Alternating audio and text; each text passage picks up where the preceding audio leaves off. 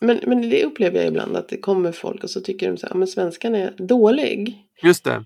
Jag ska förbättra svenskan. Det finns inget ord på svenska för please. Men, men det är dåligt, så därför ska jag införa det liksom. Och så tar man vänligen eller snälla eller gärna.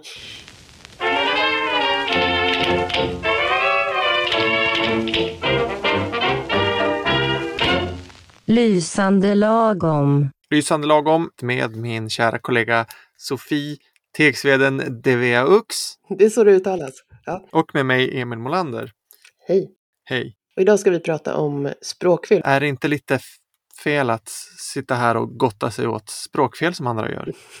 Jo, men det tycker jag faktiskt är en, en liten bonus i, i vårt jobb. Att, att vi får höra de här sakerna som, som liksom förgyller vardagen. Och jag, jag tycker ofta att det finns ett väldigt liksom pedagogiskt värde också när någonting blir fel och man kan skratta åt det tillsammans. Så jag tycker vi ska bjuda in alla våra lyssnare här och skra- skratta med oss. Ja, alltså vi skrattar ju inte åt alla fel, utan vi skrattar åt de som blir roliga. Mm. Det, är inte, det är inte kul att det blir fel, men ibland så blir det ju oavsiktligt komiskt.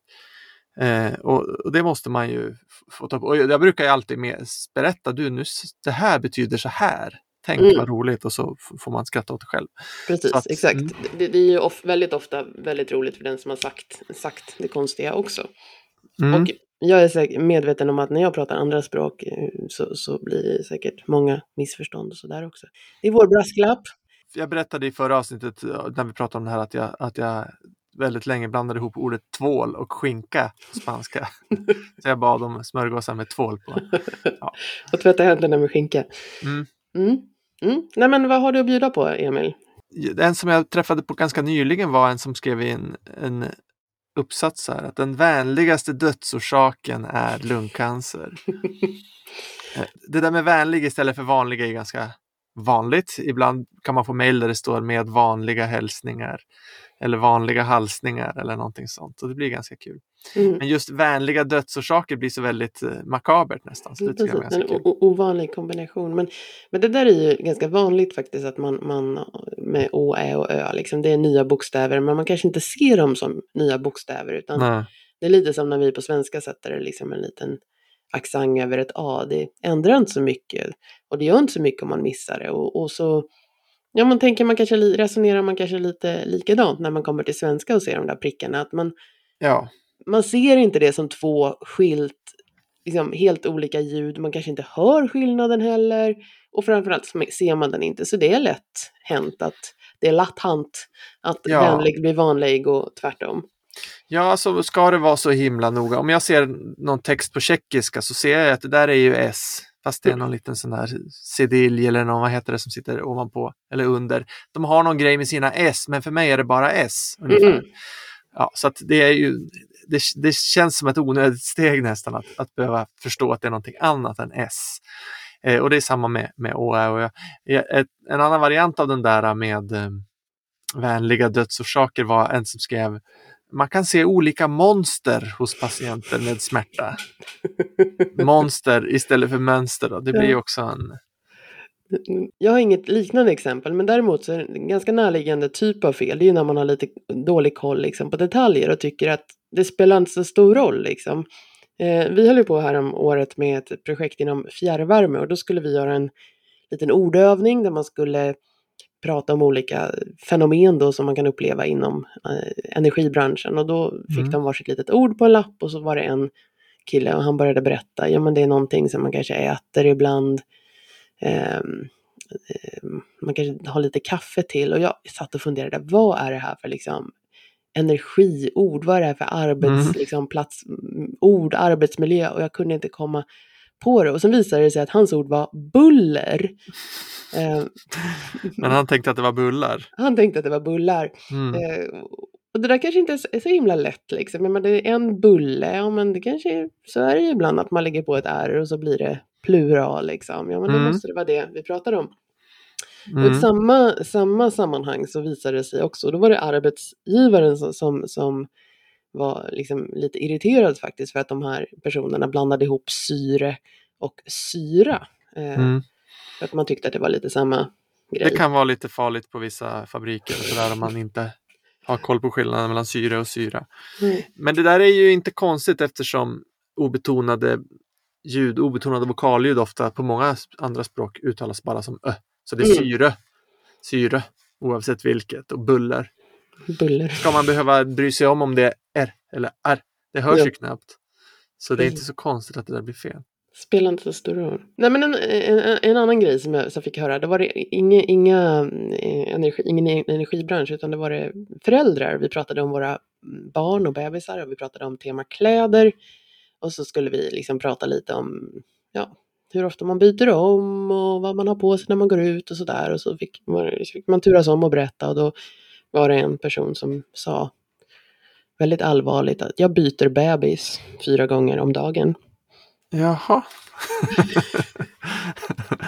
på öppna förskolan då eller? Ja, ja, men precis. Det låter väl ganska bra för Mm. om bebisen kanske sover dåligt och skriker så kan man vilja ha en ny. Mhm. Men det var byter blöja då eller? Nej, hon, hon byter om. Hon, hon, hon, hon byter om på bebisen. Bebisen byter kläder Ja. fyra gånger om dagen. Mm. Men byter, ja just det, I change, I change him. Mm, ja, Så ja. skulle man kanske säga på engelska då, eller? Men jag tänker också, jag, menar, jag, jag pratar väldigt dålig franska, men ibland försöker jag. Och då är det ju verkligen liksom, man tar ett ord här och man tar ett annat ord där. Och så tänker man, ja men det här är väl liksom det närmaste jag kan komma.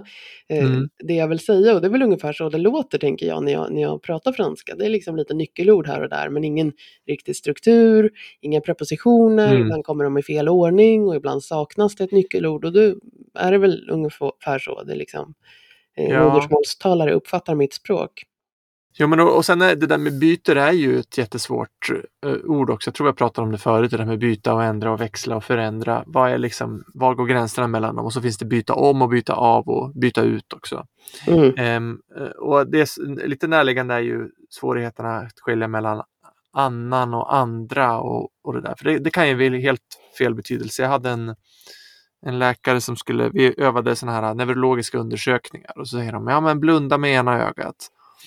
Och då ska, sen så säger man, ja men nu ska vi, nu ska vi testa på andra ögat också. Mm. Ska man ju säga. Men då är det en del som säger, ehm, nu ska vi prova på ett annat öga. Det är inte samma sak som andra, det andra ögat. Nej, Så det låter hade som att vi, nu ska vi ta hit, hit en annan person för att öva på ett annat öga. ja. Och sen hade du varit, vartenda öga där som vi pratade om i vår, Ja, vårt just det, avsnitt om journal, journalgrejer. Vi ska testa vart, vart, vartenda öga på dig. Ja. Det här var i och för sig inte i en, en lärarsituation, men jag satt i ett, ett samtal där bland annat en person från ett annat land va- var med och så satt vi och diskuterade eh, vad ska man säga, energikrisen, vi satt och pratade om olika typer av, av kraftverk och så kom vi in på det här med vindkraftverk och då var, visade det sig då att en, en i det här sam, eh, samtalet var väldigt påläst om hur det funkar med vind, vindkraftverk och Mm. energiförsörjning. Och så ville han, han, han berätta lite då om det här och då plötsligt så säger han i en sån här vindsnurra så finns det 16 koppar. Mhm. Och det blev liksom alldeles tyst runt bordet. Och liksom man, jag föreställde mig liksom ett skramlande av muggar och koppar som åkte runt, runt, runt i den där Mm. turbinen. Exakt 16 stycken Exakt kaffekoppar. 16 stycken, men, men det var ju såklart 6 ton koppar. Eh, alltså Mm. materialet koppar som man ville säga. Och, och det blev en ganska intressant situation, för då försökte vi liksom beskriva vad han hade sagt och varför det lät fel och hur det skulle låta rätt. Det. Men, men det blev inte bra.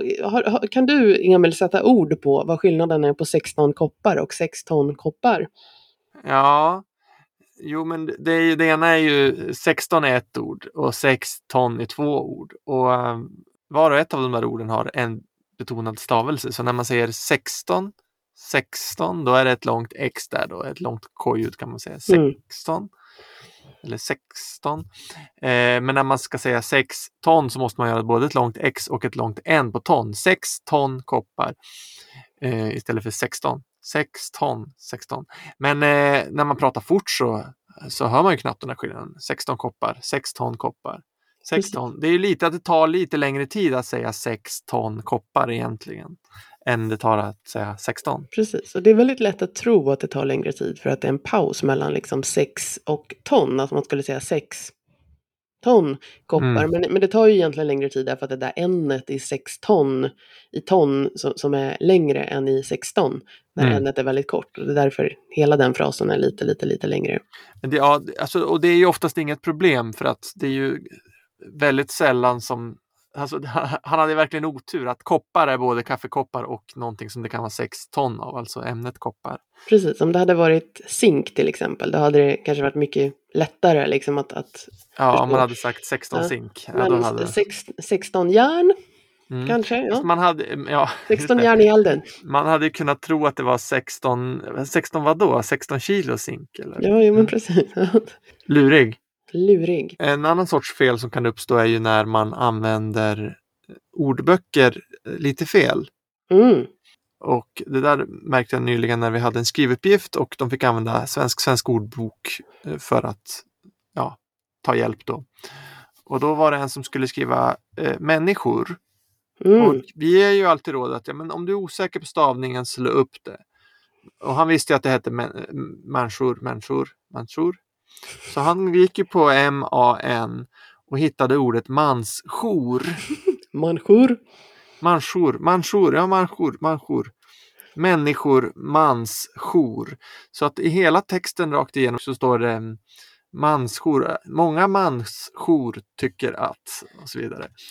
Eh, och det där är som svårt att, för att jag antar att han tittade på, kanske inte så mycket på förklaringen, beskrivningen av vad Nej. en mansjour är. Och om det fanns en beskrivning så var den kanske lite svår att förstå också. Så då blir det ju liksom, vad, vad ska man göra för att inte råka ut för det här problemet? Han använde ju ordbok, han gjorde ju allt rätt. Liksom. Ja, men det där är ganska vanligt fel och särskilt också när man använder tvåspråkiga ordböcker. Att man har en, Mm.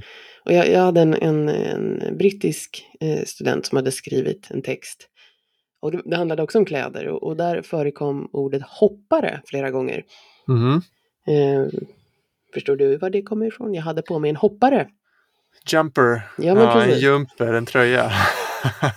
Men då var det verkligen liksom, han hade slagit upp ordet jumper och tittat på det första alternativet eller om man hade använt Google Translate så var det liksom det som dök upp och sen Ja. ingen liksom kritisk syn och försöka ta reda på är det här rätt ord liksom utan Nej, så, så ofta, ofta bygger ju, alltså, vad det resulterar i det här liksom när man använder ordböcker det är ju ofta att man får en väldigt, väldigt ytlig förståelse eller kanske egentligen ingen förståelse alls Mm. för de ord man använder men man slänger in dem och tänker ja men det här borde stämma liksom. Ja, men precis. Jo, jag hade, alltså när det, ska, vara- när det är översättningsordböcker eller Google Translate sånt här, så är det ju väldigt ofta uselt. Just för att vi har många homonymer, ord som skrivs på samma sätt men som, men som eh, betyder olika saker. Till exempel en som skrev att hon, eh, hon kunde eh, sy, hon var en duktig sömmerska och hon kunde även göra egna arbetsgivare. Och det var då, kan du gissa vad arbetsgivare skulle vara? Nej, det kan du inte. Nej, Nej, det var mönster. Alltså symönster, för att det heter på spanska då patron, ah, ett mönster. Men eh, det betyder också arbetsgivare, så det var det första som stod när man slog upp patron. Så eh, ja, det går bara inte. Men, men en sak som är ännu värre är ju nästan när, och det här som jag tror vissa SFI-lärare uppmuntrar också, att, att man ska titta i synonymlexikon. Gå in på Mm. synonymer.se och hitta någonting. Och det blir ju alltid nästan dåligt och dumt. mm, Speciellt då, det är många som använder det på det här sättet att de letar upp någon mening på nätet men vi ska inte kopiera så att då byter jag ut till synonymer. Och då om det till exempel står samtidigt, vilket jag såg i en text jag fick in nyligen, samtidigt måste man, och då hade den här personen hittat synonymen vid samma tillfälle. Vid Ah. samma tillfälle måste man, men nej, ja okej, det är ungefär samma sak som samtidigt, men det funkar absolut inte i den kontexten. nej precis, för här var det väl en sån, vad ska man säga, eh, det kostar mycket att värma upp huset, samtidigt måste Mm. man Ja, ha liksom en okej boendemiljö liksom. Ja. Eh, vid samma tillfälle. Men, Mm. men det är väl lite hårda kanske för att då säger vi så här, nej använd inte ordbok, översätt inte, använd inte synonymordbok. Nej, hur ska man göra då? Ja men det där, alltså, det där är ju verkligen ledord för mig när jag undervisar. Att, alltså, man måste lära sig ord från någon slags sammanhang för att Mm. få en liksom, bra uppfattning om vad som funkar i vilka sammanhang. Alltså ord är ju otroligt kontextuella så att liksom slå upp från ett annat språk eller liksom gå in i en synonymordbok ger väldigt, väldigt lite information om, om, om vad det är för typ av ord och hur det används. Och för många är det också väldigt viktigt att förstå det här med ordklasser. Att det här kanske är ett Mm. adjektiv och inte ett substantiv. Liksom. Mm. Eh, nej men det, det tror jag det, det tror jag verkligen är ett ledord. Att liksom, när man ska lära sig vokabulär då ska man alltid utgå från någonting man lyssnar på eller någonting man, man läser. Och Mm. ofta tycker jag nästan att det är bättre att lära sig en hel fras än att lära sig ett ord. För då får man också en mycket större uppfattning om liksom, kongruens, alltså om det, det ska Ja, vara ett rött absolut. hus och inte ett, ett rödhus och så vidare. Eh, det tror jag verkligen är nå- någonting som kan göra väldigt stor skillnad när, när man jobbar med vokabulär. Och Mm. liksom alltid, alltid, alltid kontextualisera. Mm. Och det väl också, hänger väl lite ihop också med vår kritik. Det finns ju många arbetsgivare och organisationer som skapar ordlistor. Eh, Just det. Som man ofta gör med liksom väldigt goda intentioner att man vill, vill hjälpa de som kommer från andra länder. Men, men väldigt ofta saknas det någon typ av sammanhang som gör att det går att använda de här orden på ett be- begripligt sätt. Men det är klart, alltså ibland, jag gör väl så själv om jag ska säga någonting på tyska, så, men vad fasen heter det där nu då? Mm, Och så, då kollar jag upp det i en, i en ordbok. Det, det, det måste man få göra. måste Men, man. men problemet uppstår väl kanske när det är en undervisningssituation och du ska skriva någonting och du har bråttom. Och du måste bara ha ett ord snabbt som du ska Mm. slänga in där. Ja, nej, Du har men, inte tid att förstå exakt om det blir rätt och inte att kolla av med någon heller. Jag, jag är så pass gammal ändå att när jag började undervisa så hade man fortfarande liksom ett, ett lexikon i pappersformat. Och då var det väldigt Mm. vanligt, jag tror det är Norstedt som gör de här randiga eh, ordböckerna mellan Mm. svenska och andra språk. Alltså, de- är uppdelade i två delar, ofta de här fickordböckerna i alla fall. Så Mm. första delen är svenska till, säg franska eller spanska eller engelska och andra delen är tvärtom. Och då, då hade jag ett system, jag hade med min gummisnodd. Jag hade alltid ett litet paket med gummisnoddar i väskan. Och vad jag gjorde var att jag liksom gick och stängde Mm. delen som var från det andra språket till svenska genom att liksom sätta en gummisnodd och så sa de, ni får Just använda det. den andra delen.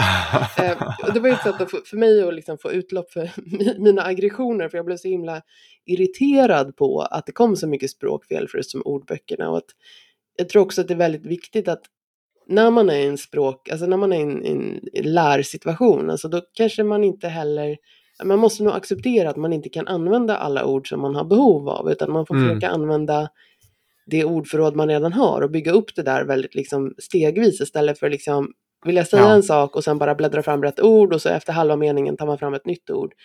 Det, det är Ja, inte så man precis. lär sig. Nej. Jo. Men, men vi, vi låter ju gnälligare och, och gnälligare Mm. här. Jag, jag tänker att, i alla fall för mig, ibland blir det ju väldigt roligt med, med språkfel, att man liksom kan skratta, som vi sa, ofta skratta tillsammans med den som är upphovspersonen. Men jag tror, ofta blir man ju irriterad, eller jag blir i alla fall irriterad. Ingen människa är perfekt. Eh, Och det beror ju kanske egentligen inte så mycket på att mina kursdeltagare är liksom jobbiga eller gör fel, utan det har ju att göra mycket med att man har exponerats för samma fel väldigt många gånger. Just det. Och det är inte de som är roliga, utan det är ju liksom tråkiga, jobbiga fel som man har hört jättemånga gånger. Och det är ju, alltså, och så har man förklarat jättemånga gånger, men på något Ja. sätt har jag svårt att förstå att det inte är för samma person jag har förklarat. Det är inte liksom Ja, som när jag säger för tusende gången till mina barn, stäng toadörren efter dig, utan det är ju liksom en stackare som gör det här felet för första gången och så Ja. Men du har råkat träffa dig som har haft sett fel tusen gånger. Ja. Mm. ja. Det blir inte roligt för någon. Mm. Upplever du något liknande? Ja, ja, men det är ju sådär. Men jag tror att, ja, det är så. Jag försöker inte bli arga på folk, men jag brukar, jag har börjat säga så här i början på kursen. Titta, det här är ett jättevanligt fel. Mm. Se till att ni inte gör det där. Och då har jag någon sorts tanke om att då ska man komma, försöka komma ihåg det extra noga. Att jaha, det här brukar folk göra fel på. Mm. Och det typiska som jag tror vi har pratat om i tidigare avsnitt också, det är ju stavningen av ordet fortsätter. Försätter. Alla skriver försätter, alltså försätter. Och det ordet finns ju också så det markeras inte som fel i stavningsprogram och sådär. Men fortsätter är det ingen som kan stava till. Och jag blir vansinnig när jag ser det igen för tusende gång. När jag faktiskt har sagt också att det här är ett vanligt fel. Det är många som skriver försätter, gör inte det, det heter fortsätter. Mm. Men eh, nej, det är, det är kört. Det är något med det där ordet som är, Det är något med det där troll ordet. i det. Ja, men jag tänker att man ser det där prickarna över ät och så Mm. liksom hyperkorrigerar man lite och sätter det där i början också. Så kanske man inte hör T heller, man säger fortsätter, att det är liksom tsch. Mm, precis.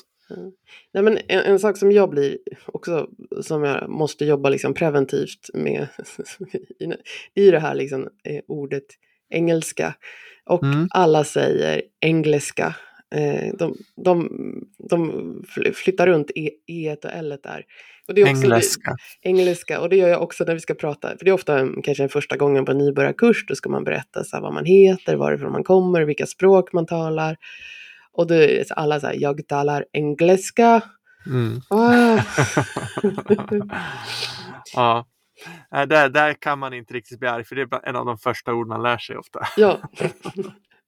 Ja. Eh, eh, Men en annan sak som också, det är, det som jag blir jättegalen på, det är ordet nästa. Eh, Dels används det ofta för Mm. mycket, att man gärna vill säga liksom nästa som är på engelska next to. Alltså jag bor nästa Mm. eh, affären eller skolan ligger nästa eh, Mm, busshållplatsen. det är många som vill uttala det nästa. Just det, exakt. Det kommer in ett X där också. Nästa. Eh, nästa veckan vi ska... Det blir jag också jättearg på. Mm. Mm. Jag irriterar mig på eh, alla försök att säga please. Mm. Också snälla. Ja. Om, om man frågar vanliga svenskar vad heter please, då säger många att det heter snälla. Jag vet inte varifrån det där kommer. För att vi säger ju inte snälla på det sättet. Men jag tror att yngre människor har börjat använda snälla som please nu. Ja. Oh. Men eh, så att då är det många som får höra det då. Jaha, det heter visst snälla. Så säger de snälla kan du ställa dig upp? Eller, eller snälla stå upp. Mm. Eller någonting sånt där. Det, det, eller så kan de ta att tro att var snäll Mm. vad är betyder please? Stå upp, var snäll. Men det, det, och det är ju en artighetsfras, men då måste vi säga var snäll och. Mm. Och även det här ord- Ordet gärna är jättesvårt. att Mm. Gärna som stavas med G alltså ofta missuppfattas som please. Och det kan vara till exempel gärna ställ dig upp. Mm. Eh, Det blir ju jätte, jättekonstigt på svenska. Det, det måste ju vara i en mening. Ja, Det där blir jag galen på. Och jag fattar inte att de inte kan det. Nu har jag inte nybörjarkurs i för sig. Så att jag tycker att det här borde alla ha lärt sig på tidigare kurser. Att vi har inte please, man säger inte snälla, man säger inte var snäll. Ja, men, Man men, måste göra det på andra sätt. men, men det upplever jag ibland att det kommer folk och så tycker de så här, "Ja, men svenskan är dålig. Jag ska förbättra svenskan. Det finns inget ord på svenska för please. Men, men det är dåligt, så därför ska jag införa det. Liksom. Och så tar man vänligen eller snälla eller gärna. Eh, och jag, jag hade också en, en intressant grej. Skulle, man skulle skriva en text om mat. Mm. Och då var det en, en person som skrev om en rest, ett restaurangbesök. Och så kunde hon inte hitta liksom tillräckligt många ord på svenskan för att beskriva att någonting var gott. Mhm. Eh, och, och, då blev det lite det här synonymgrejen och så blev det en, som att det var smakrikt och smakfullt och smakligt. Eh, utsökt. Eh, och sen också en, liksom, liknelser som, som liksom blev väldigt absurda på svenska. Ehm, men, men där gick det ut på, liksom, när jag konfronterade henne, då, det här, så här kan du inte skriva, det, det låter jätteabsurt liksom. Att, ja, men I Sverige säger vi att det smakar gott. Mm. Eller det var gott, det var Ja. jättegott. Eh, då blev jag nästan liksom förbannad på den svenska kulturen Mm. och hur osofistikerade vi är när det handlar om mat. Det, det kan man ju liksom fat, fatta, tänker jag. Det här var en person som kom från, från Medelhavet, eh, Mm. ett land vid Medelhavet, att, att ja men det är klart, det verkar ju väldigt primitivt här kanske på många sätt med, Mm. med matkulturen, men du måste acceptera det. Vi tycker det är gott, eller sådär. Ja, precis. Gott eller inte gott. Men finns det inget mer? Man... Alltså okej, man kan ju säga att det här smakar utsökt, delikat, men det blir liksom lite fånigt. Mm. Ingen skulle använda det i vanligt tal, eller? Nej, Finns alltså, det inget annat ord för att beskriva hur mat smakar? det här måste jag få receptet på, kan man säga. Ja, någon, just någon bjuder, alltså att, att man liksom visar verkligen sitt engagemang för det. Ja, man, Eh. och sen finns det ju säkert så här, man kan beskriva hur det smakar, det har en sån här konsistens och sådär Mm. förstås. Men det är Men- inget vi sitter vid och säger, åh vilken sötma. Eller? Gör man det vid Nej, ja, bordet? men då säger man att det var lite sött. Det här Mm. var väldigt sött, det här var lite för salt eller det behövs mer peppar. Men, men om man ska säga att det var gott, har de fler ord för det då? Ja, tydligen. Mm, Mm. Vad intressant. Det krävs en, en liten doktorsavhandling. Eh. Mm, det, Ja. finns, det finns säkert. Men, men sen, en- jag ska ha en sista grej som gör mig riktigt trött. Eh, det är det här också, svenska människor, eh, Mm. franska människor, eh, många människor. Mansjour. Ja, precis, exakt. Ja, svenska människor. Eh, Ja, alla vill säga, skriva och säga people. mm, Eller andra språksmotsvarighet. Och då säger man människor. Och så säger jag nej, nej, använd inte människor säger jag. Då säger man, är det personer? Folk? mm. Men vad är problemet? Alltså när jag hör ordet svenska människor, alltså förutom yrkesskadan, liksom, så det blir ju lite så här svenska elefanter, svenska krokodiler, svenska hundar, svenska människor. Det blir nästan liksom arten eh, vi, vi pratar om. Mm. Em, Men, men sen har vi också, vi säger ju ofta svenskar, eh, kineser, fransmän, koreaner. Vi har ju liksom ett eget ord för att beskriva eh, nationaliteter. Mm. Eh, och sen använder vi, vi säger ju inte många människor eller många personer, vi säger ju många. Det, det kan användas självständigt, eller alla. Ja, alla precis. var här. Vi behöver inte säga alla, alla personer kom på mötet, utan alla kom på mötet. Precis. Jag brukar säga, vi, vi förstår att ni inte pratar om katter och hundar. Det räcker med att säga alla. ja, nej, men det är en sån där översättningssvenska grej. Jag tror vi pratade om det i avsnittet med eh, Alexander för några år sedan. Mm. Nej, men sen, eh, jag menar, som sagt, det här är ju någonting jag blir arg på, men det är mitt eget problem. It's, Mm. it's not you, it's me, som jag måste lära mig hantera. Men, men sen kanske någonting som jag verkligen vill ingripa, det är lite det här metodfelen som man ser eh, Mm. när eh, människor ska lära sig svenska. Att de liksom an- angriper själva språkinlärningen på ett sätt som liksom jag tycker är fel. Jag fick ett, fick ett mejl häromdagen från en person som frågade om hon kunde få kurs med mig och hon Mm. beskrev ganska kortfattat att hon hade tagit några kurser. Och så frågade hon mig, eh, kan jag bli flytande på 15 träffar? Och mitt Okej. svar var ju liksom dels vad är flytande, dels Mm. jag har ingen aning var du befinner dig eh, Mm. språkmässigt. Så jag kan inte uttala mig hur snabbt eh, du kan liksom bli flytande och framförallt så har det ju väldigt mycket- mycket att göra med den egna insatsen. Det är ju inte att man träffar Ja. mig eh, liksom 22,5 timme. Det är inte som sen... en botoxbehandling. Nej, exakt. och, och det är väl lite det som är kanske mm, om lite samtidskritik här, att många letar efter snabba, enkla lösningar som inte kräver någon jobbig insats. Mm. Eh, och det är väl kanske både de som håller på att lära sig svenska eller vill lära sig svenska, men också lite de som vill hjälpa dem som lär sig svenska. Att ja, men, ja, men vi ska fixa den här ordlistan och så löser sig allt liksom. Ja. Jo, men det är så. Vi gör en snabb kurs. Det är bara fem veckor och det är på distans och du behöver bara skicka in lite texter. Då blir du ju klar snart. Då blir du klar snabbt med svenskan. Så det Mm. går fort. Mm. Mm. Intensivt och bra, men du sitter hemma och bara skickar in lite texter till mig. Mm, som du har gjort med, tillsammans med AI-roboten Mm. för att du fixar det inte själv. Ja, precis. Nej, men det där är ju hemskt.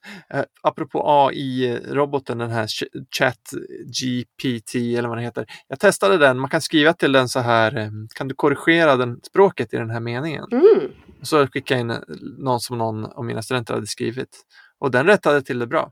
Ja, Och jag har även hört andra att man kan be den att tala om vad språkfelen beror på. Så där. Den, är, den är ganska bra på det där. Det tror jag många kommer kunna använda för att lära sig svenska och tyvärr också för att fuska i skoluppgifter. Men ja men precis. Alltså det, det- kan ju användas både för att fuska sig fram den lätta vägen eller som du säger, man kan faktiskt eh, titta på rättningen, anal- försöka Mm. analysera vad som har hänt eller som du säger, fråga var problemet ligger och sen använda det för att utveckla eh, sitt språk.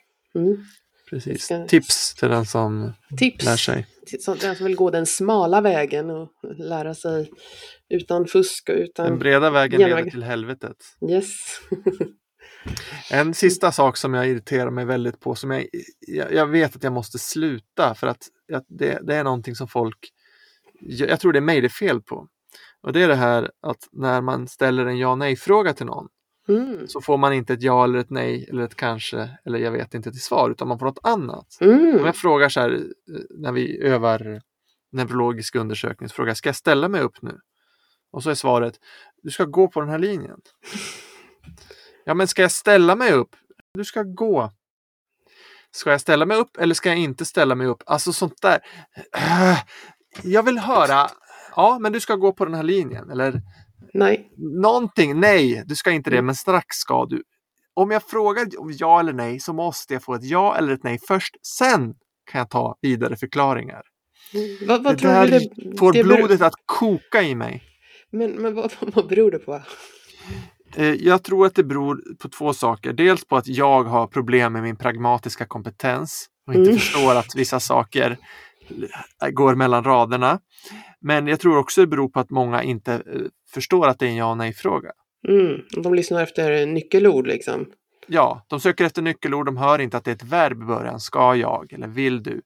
Utan de, de hör att det är någon sorts fråga och så söker de nyckelorden i innehållsorden. Och så, det kan lika gärna vara vad ska jag göra nu eller vad tycker du att jag ska. Så att jag tror det är båda de där. Men framförallt så är det väl min hjärna det är fel på. Ja, såklart. Med de orden säger vi tack för att ni har lyssnat på det här avsnittet. Hör gärna av er med era stora irritationsmoment och roliga språkfel så kan vi prata om det i ett annat avsnitt. Tack och hej! Hej då!